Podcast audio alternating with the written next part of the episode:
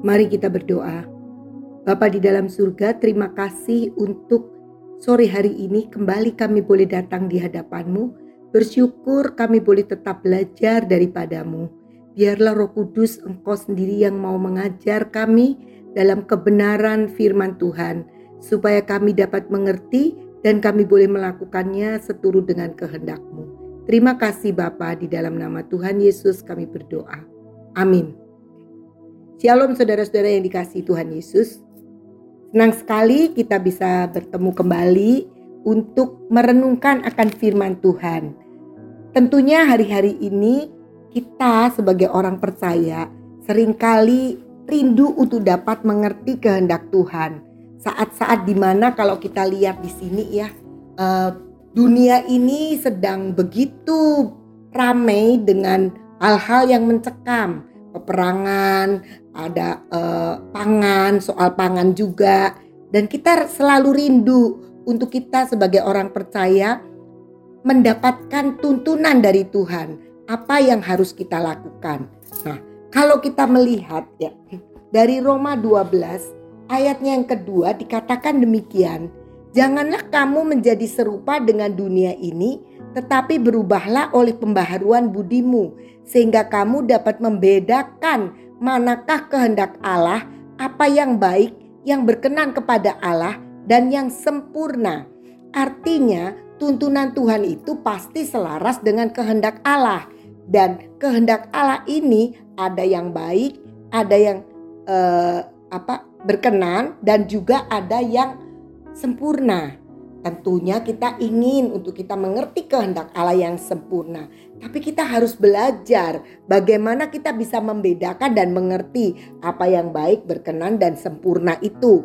Alkitab mengatakan di sini, satu, jangan kamu menjadi serupa dengan dunia ini, sehingga orang lain tidak pernah melihat bahwa kita punya keperbedaan dengan mereka karena kita punya iman kepada Tuhan Yesus orang lain tidak bisa melihat tingkah laku kita yang berbeda karena kita ya sama saja dengan dunia. Dunia menipu kita menipu, dunia bohong kita bohong, dunia melakukan apa pun kita lakukan yang sama. Tapi Alkitab mengingatkan jangan kamu menjadi serupa atau sama. Kenapa? Karena ketika kita tidak sama dengan dunia, ditambah lagi kita berubah oleh pembaharuan budimu katanya. Nah, ketika kita memiliki pembaharuan budi, akhlak kita berubah, maka kita itu akan dapat membedakan akan kehendak Allah. Dan kalau kita bisa membedakan, kita bisa memilih, kita akan tahu tuntunan Tuhan seperti apa.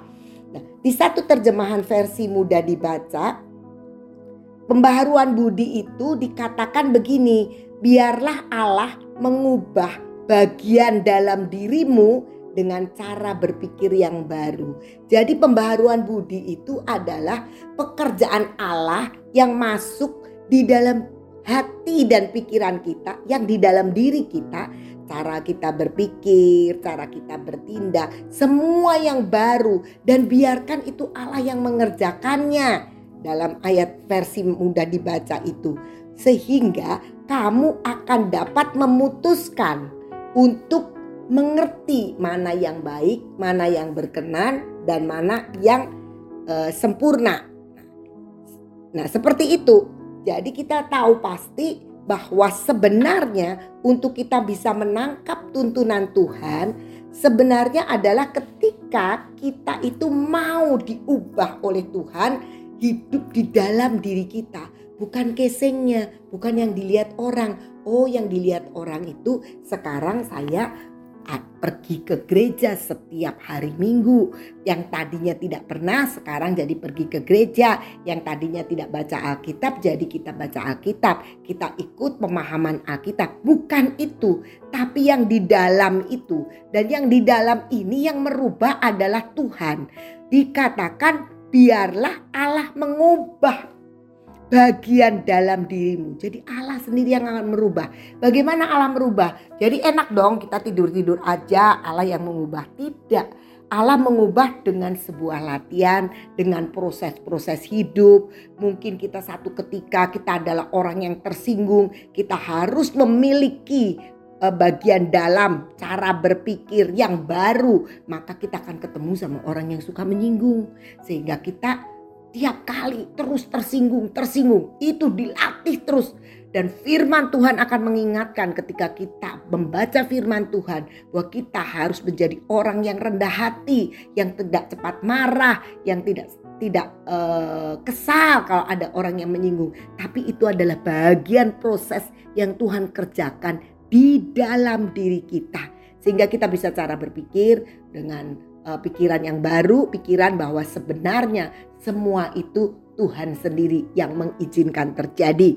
Contohnya lagi adalah sering kali mungkin kita itu sering berprasangka. Nah, rasa prasangka terhadap orang lain yang tidak baik, yang negatif, itu sering kali membuat diri kita kehilangan damai sejahtera. Karena itu Tuhan akan selalu mengingatkan lewat firman Tuhan supaya kamu tidak berpikir uh, jahat terhadap orang lain. Dan ada lagi, misalnya kalau kita sering kali itu uh, oh, dibully orang ya misalnya saja. Kita dibully orang orang mengatakan apa yang sebenarnya tidak ada pada diri kita atau sebaliknya orang akan mengatakan yang uh, kekurangan diri kita. Kita sering kali kesal. Kekurangan-kekurangan kita itu sering kali kita sendiri juga mungkin tidak suka. Tetapi ada aja orang yang bicara misalnya mungkin kalau kita kurang tinggi badannya. Nanti orang bilang, oh kok kamu pendek. Padahal tentunya kita sendiri juga pengen tinggi. Tapi ada orang yang sering kali bicara begitu tanpa memperhitungkan perasaan uh, kita. Nah, cara berpikir yang Tuhan akan kerjakan adalah mengucap syukur. Atau bisa, saya pernah dulu sering kali uh, mendapatkan ucapan dari orang yang tidak enak gitu ya. Karena terus kalau uh, terus terang saja di dalam keluarga saya pada waktu saya masih kecil, saya punya kakak dan saya anak yang kedua. Kakak saya lelaki, saya perempuan. Nah, waktu saya masih kecil saya sering mendengar orang bilang begini, karena kakak saya itu matanya besar dan di, uh, bulu matanya lentik, sedangkan saya tidak. Saya Chinese look lah ya gitu kan. Nah, ada orang-orang yang sering bilang begini, kebalik ya, masa anak laki matanya yang itu uh, yang gede terus bulu matanya yang lentik. Sedangkan yang kedua uh, saya itu seharusnya perempuan yang seperti itu jadi akan lebih cantik kira-kira lah seperti itu. Saya waktu masih kecil sering mendengar itu dan hati saya nggak enak dan waktu kecil nggak ngerti tapi itu sebenarnya menumbuhkan rasa minder di dalam diri saya sampai saya ingat sekali ketika saya masih SMP masih SMP kelas 2, saya bertemu dengan seseorang yang sebenarnya karena rumah saya sebelah itu kantor, sebuah kantor BUMN lah kalau sekarang disebutnya begitu, bank.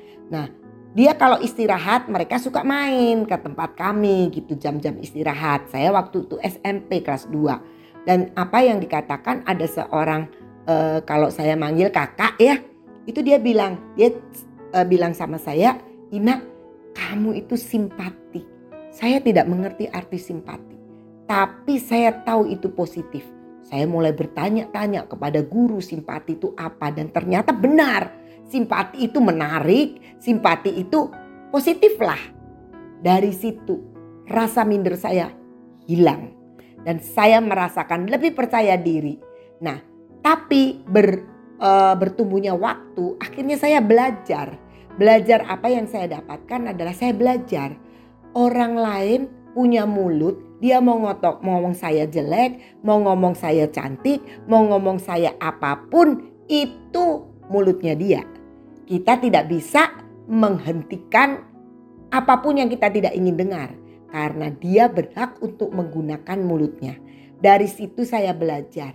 Kalau begitu, tidak perlu saya marah, nggak perlu saya tersinggung, nggak perlu saya sakit hati. Kenapa? Karena dia harus bertanggung jawab dengan mulutnya dia yang katakan. Dan biarkan itu dia akan mengatakan begitu. Tetapi saya belajar. Saya tidak pernah mengatakan yang negatif kepada orang lain pun. Karena saya pernah merasakan itu. Kenapa saya bisa begitu? Karena firman Tuhan yang saya baca mengubah hidup saya hari demi hari. Dan saya membiarkan Allah mengubah bagian dari diri saya bagaimana cara berpikir yang baru. Sehingga sampai sekarang ketika saya melihat anak-anak, saya tidak pernah mengatakan kekurangan mereka. Tapi saya selalu mencari kelebihan mereka dan saya apresiasi, saya dorong dan saya selalu mengatakan bahwa kamu adalah yang terbaik. Karena memang Tuhan ciptakan semua baik. Nah, mari kita belajar untuk kita bisa mengerti tuntunan Tuhan itu dulu yang terjadi dalam diri kita sendiri. Sebab kalau kita tidak berubah dari diri, kita sendiri, kita tidak akan pernah bisa menangkap kebaikan Tuhan, perkenanan Tuhan, kehendak Tuhan yang seperti uh, yang luar biasa buat diri kita. kita tidak akan pernah ngerti sebelum uh, pembaharuan budi terjadi dalam hidup kita. Nah, saya ingin mengatakan bahwa ada jenis orang-orang uh, Kristen yang sebenarnya sering kali terjadi di lingkungan kita. Ada begitu banyak orang tidak bisa menangkap kehendak Tuhan dan jalan Tuhan. Kenapa? Karena mereka itu cuma tahu Tuhan, tetapi mereka tidak mengenal Tuhan. Tahu Tuhan artinya mereka mungkin datang ke gereja, mereka mungkin membaca Alkitab, mungkin belajar PA, pemahaman Alkitab.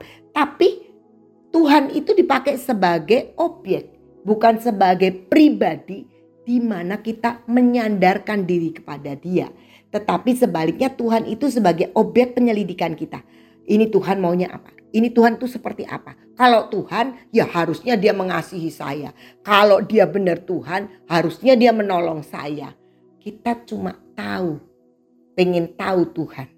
Saya mau katakan bahwa itu pun bisa terjadi di dalam orang-orang percaya.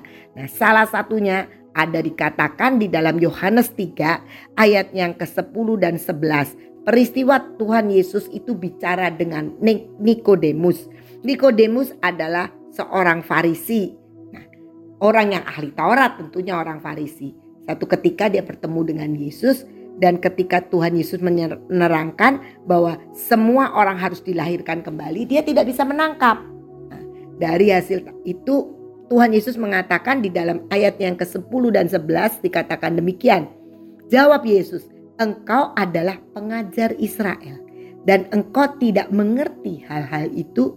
Aku berkata kepadamu, sesungguhnya kamu kami berkata-kata tentang apa yang kami ketahui dan kami bersaksi tentang apa yang kami lihat, tetapi kamu tidak menerima kesaksian kami.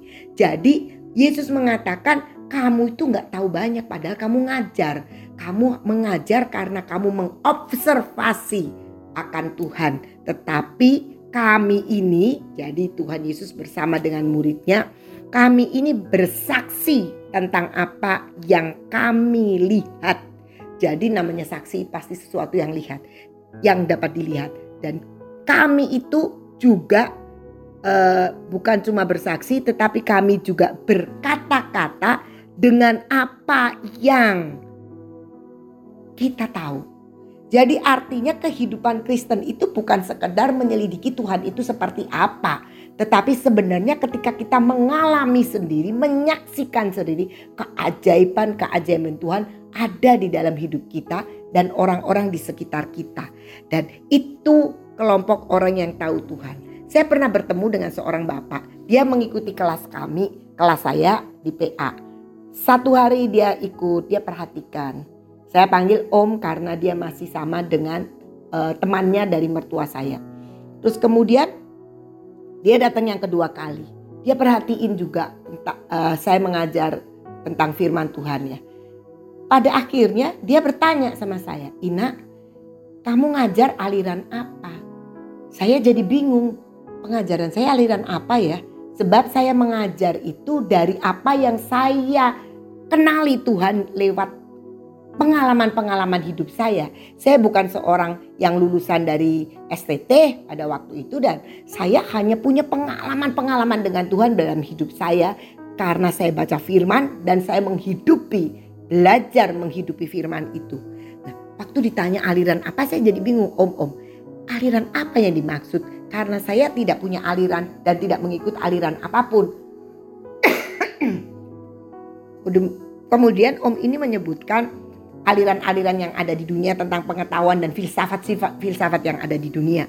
Nah, saya mengatakan saya tidak mengikuti itu semua. Saya belajar hanya dari Tuhan sendiri sebagai guru dan pengajar saya.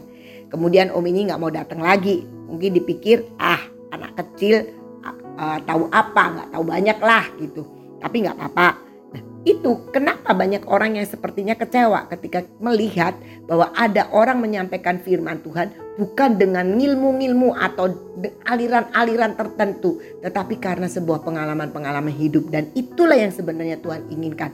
Jadi orang Kristen yang pertama adalah orang yang cuma tahu Tuhan tapi tidak pernah punya pengalaman apalagi menyaksikan kebesaran Tuhan.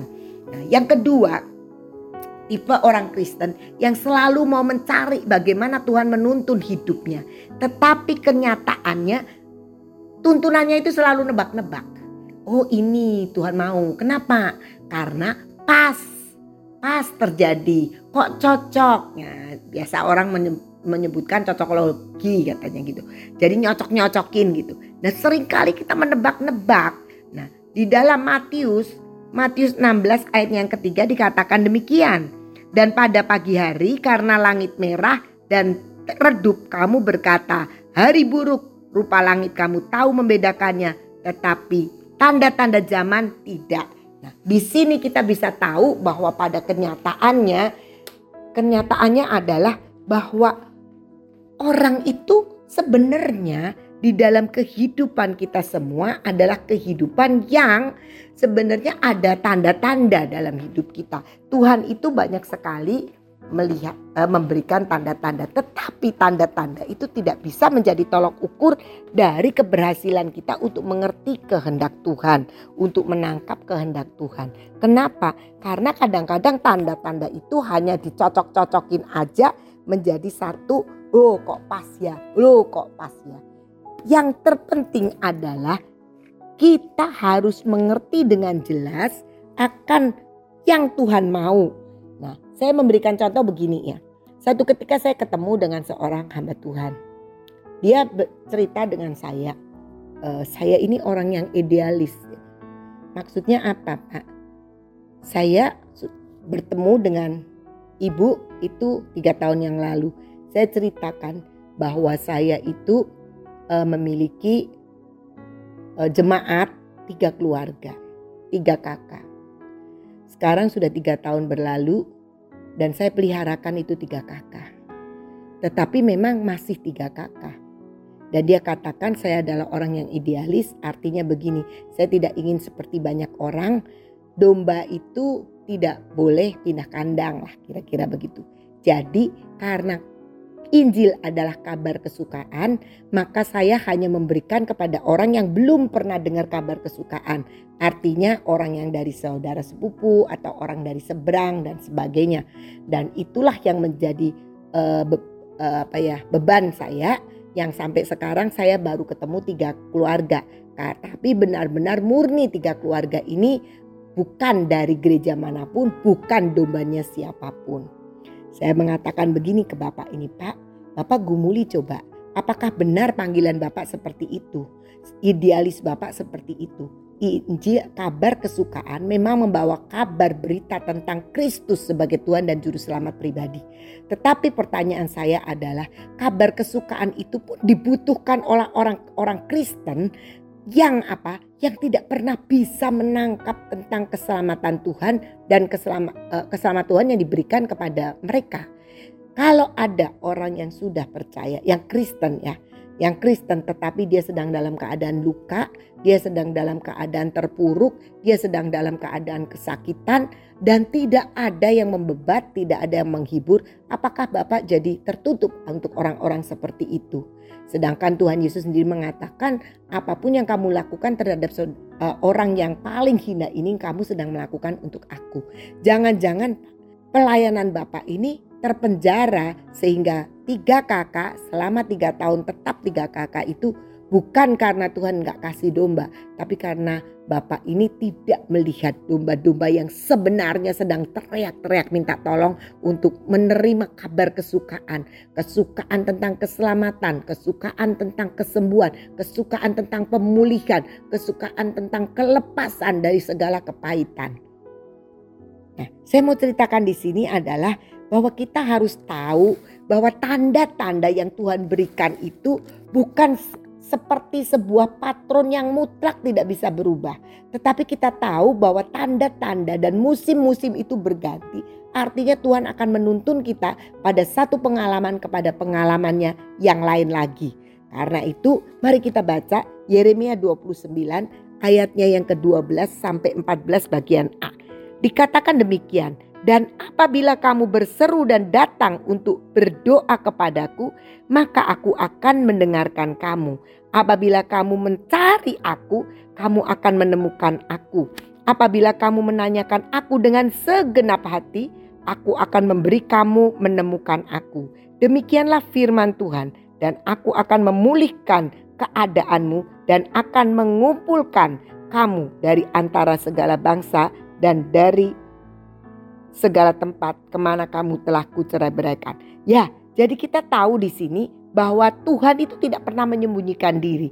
Dia itu ingin sekali kita mencari dan mencari dia. Dan dikatakan kalau kamu mencari aku, kamu tidak mungkin tidak ketemu aku. Kalau kamu e, menanyakan aku, kamu, aku pasti akan me, menampakkan diri gitulah.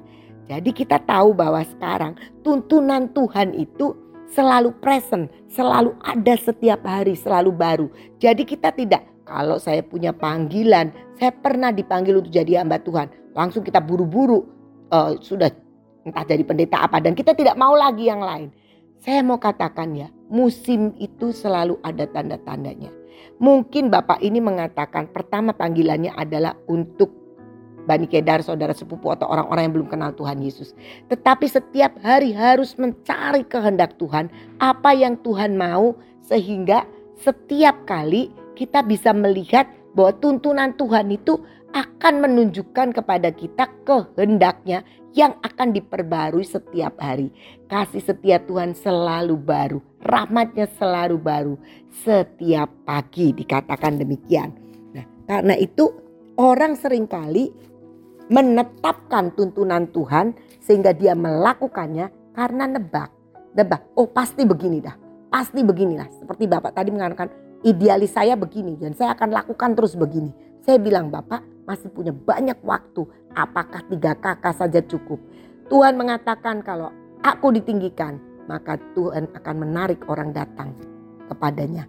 Karena itu mari kita belajar untuk tidak berpikir dengan tanda-tanda yang kita pikir udah benar. Karena Tuhan itu akan memperbaharui setiap kali. Nah, yang ketiga, jenis orang Kristen yang benar-benar kenal Tuhan.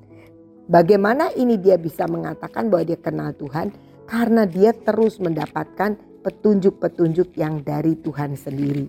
Nah, kita akan baca dari Yesaya 30. Yesaya 30 ayat yang ke-19 sampai ke-21.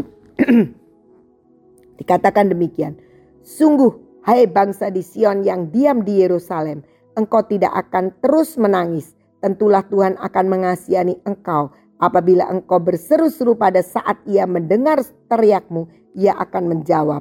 Dan walaupun Tuhan memberi kamu roti dan air serba sedikit, namun pengajarmu tidak akan menyembunyikan diri lagi, tetapi matamu akan terus melihat dia dan telingamu akan mendengar perkataan ini dari belakangmu. Inilah jalan, berjalanlah mengikutinya, entah kamu menganan atau mengiri.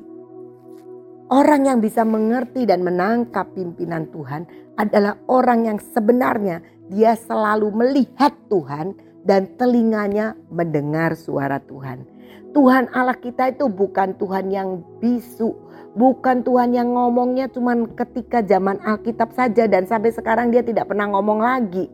Tetapi Tuhan bisa menunjukkan dan Tuhan kita pembuat mulut, pencipta suara, tentu dia juga masih bersuara sampai saat ini. Dan itulah pengenalan kita kepada Tuhan. Kita harus bergaul dan dia akan menampakkan diri sehingga mata kita melihat dia dan telinga kita mendengar akan suaranya. Mari kita belajar menangkap peruntunan Tuhan.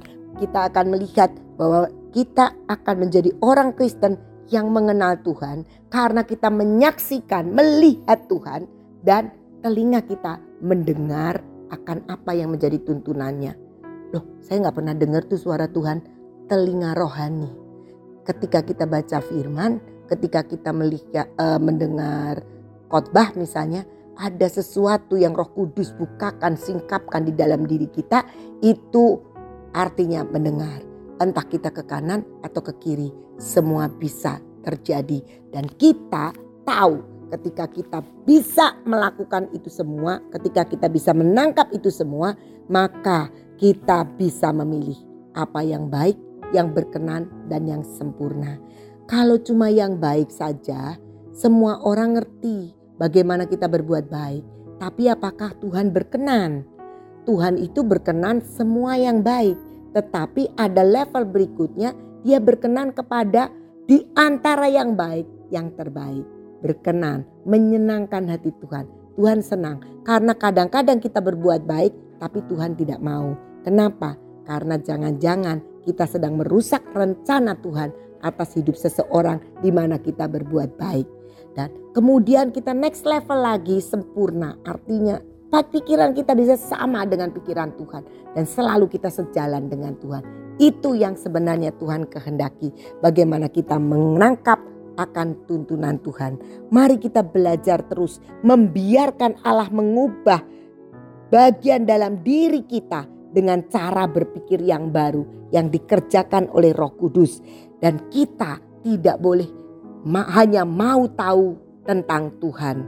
Orang-orang banyak saintis-saintis yang cuma mau tahu tentang Tuhan Tuhan tidak perlu diketahui. Tuhan hanya perlu untuk dipercaya karena dia Allah yang ajaib. Dan Tuhan tidak ingin kita hanya mau tahu dia. Tapi Tuhan ingin kita mengenal akan dia. Jangan tebak-tebak tentang kehendak Tuhan. Tapi kita masuk lebih dalam untuk kenal Tuhan. Sampai kita bisa mengerti tuntunan Tuhan secara akurat. Bagaimana caranya? Perlu waktu, kesetiaan kita baca firman, kesetiaan kita berdoa, kesetiaan kita memuji Tuhan, kesetiaan kita untuk melakukan firman Tuhan. Tahu sedikit, kerjakan sedikit. Tahu lebih banyak lagi, kita tambahkan lagi dalam perbuatan dan tindakan kita. Lewat pikiran kita akan tercetus begitu banyak sifat-sifat Tuhan yang akan Tuhan turunkan dalam hidup kita ketika kita mau membuka diri, membiarkan Allah bekerja mengubah bagian dalam diri kita dengan cara berpikir yang baru. Kiranya Tuhan Yesus memberkati kita semua. Mari kita berdoa. Bapa di dalam surga bersyukur untuk firman-Mu yang terus Engkau sampaikan buat kami. Terlalu banyak Tuhan yang kami tidak mengerti. Tetapi kami percaya bahwa engkau yang akan menurunkan atas kami kuasa rohmu yang akan membuat kami memahami engkau, mengenal engkau dan belajar untuk dapat memutuskan bukan saja yang baik tetapi yang berkenan dan bahkan lebih lagi yang sempurna. Sehingga tuntunanmu atas hidup kami tidak akan pernah membuat kami tersandung. Tapi kami akan selalu berhasil dengan apa yang kami lakukan. Terima kasih Tuhan, roh kudus tidak berhenti untuk bekerja dalam hati kami. Biar roh kudus yang terus menerjemahkan dan lebih lagi menyingkapkan seluruh rahasia kebenaran firman-Mu. Di dalam nama Tuhan Yesus kami berdoa dan kami percaya. Amin.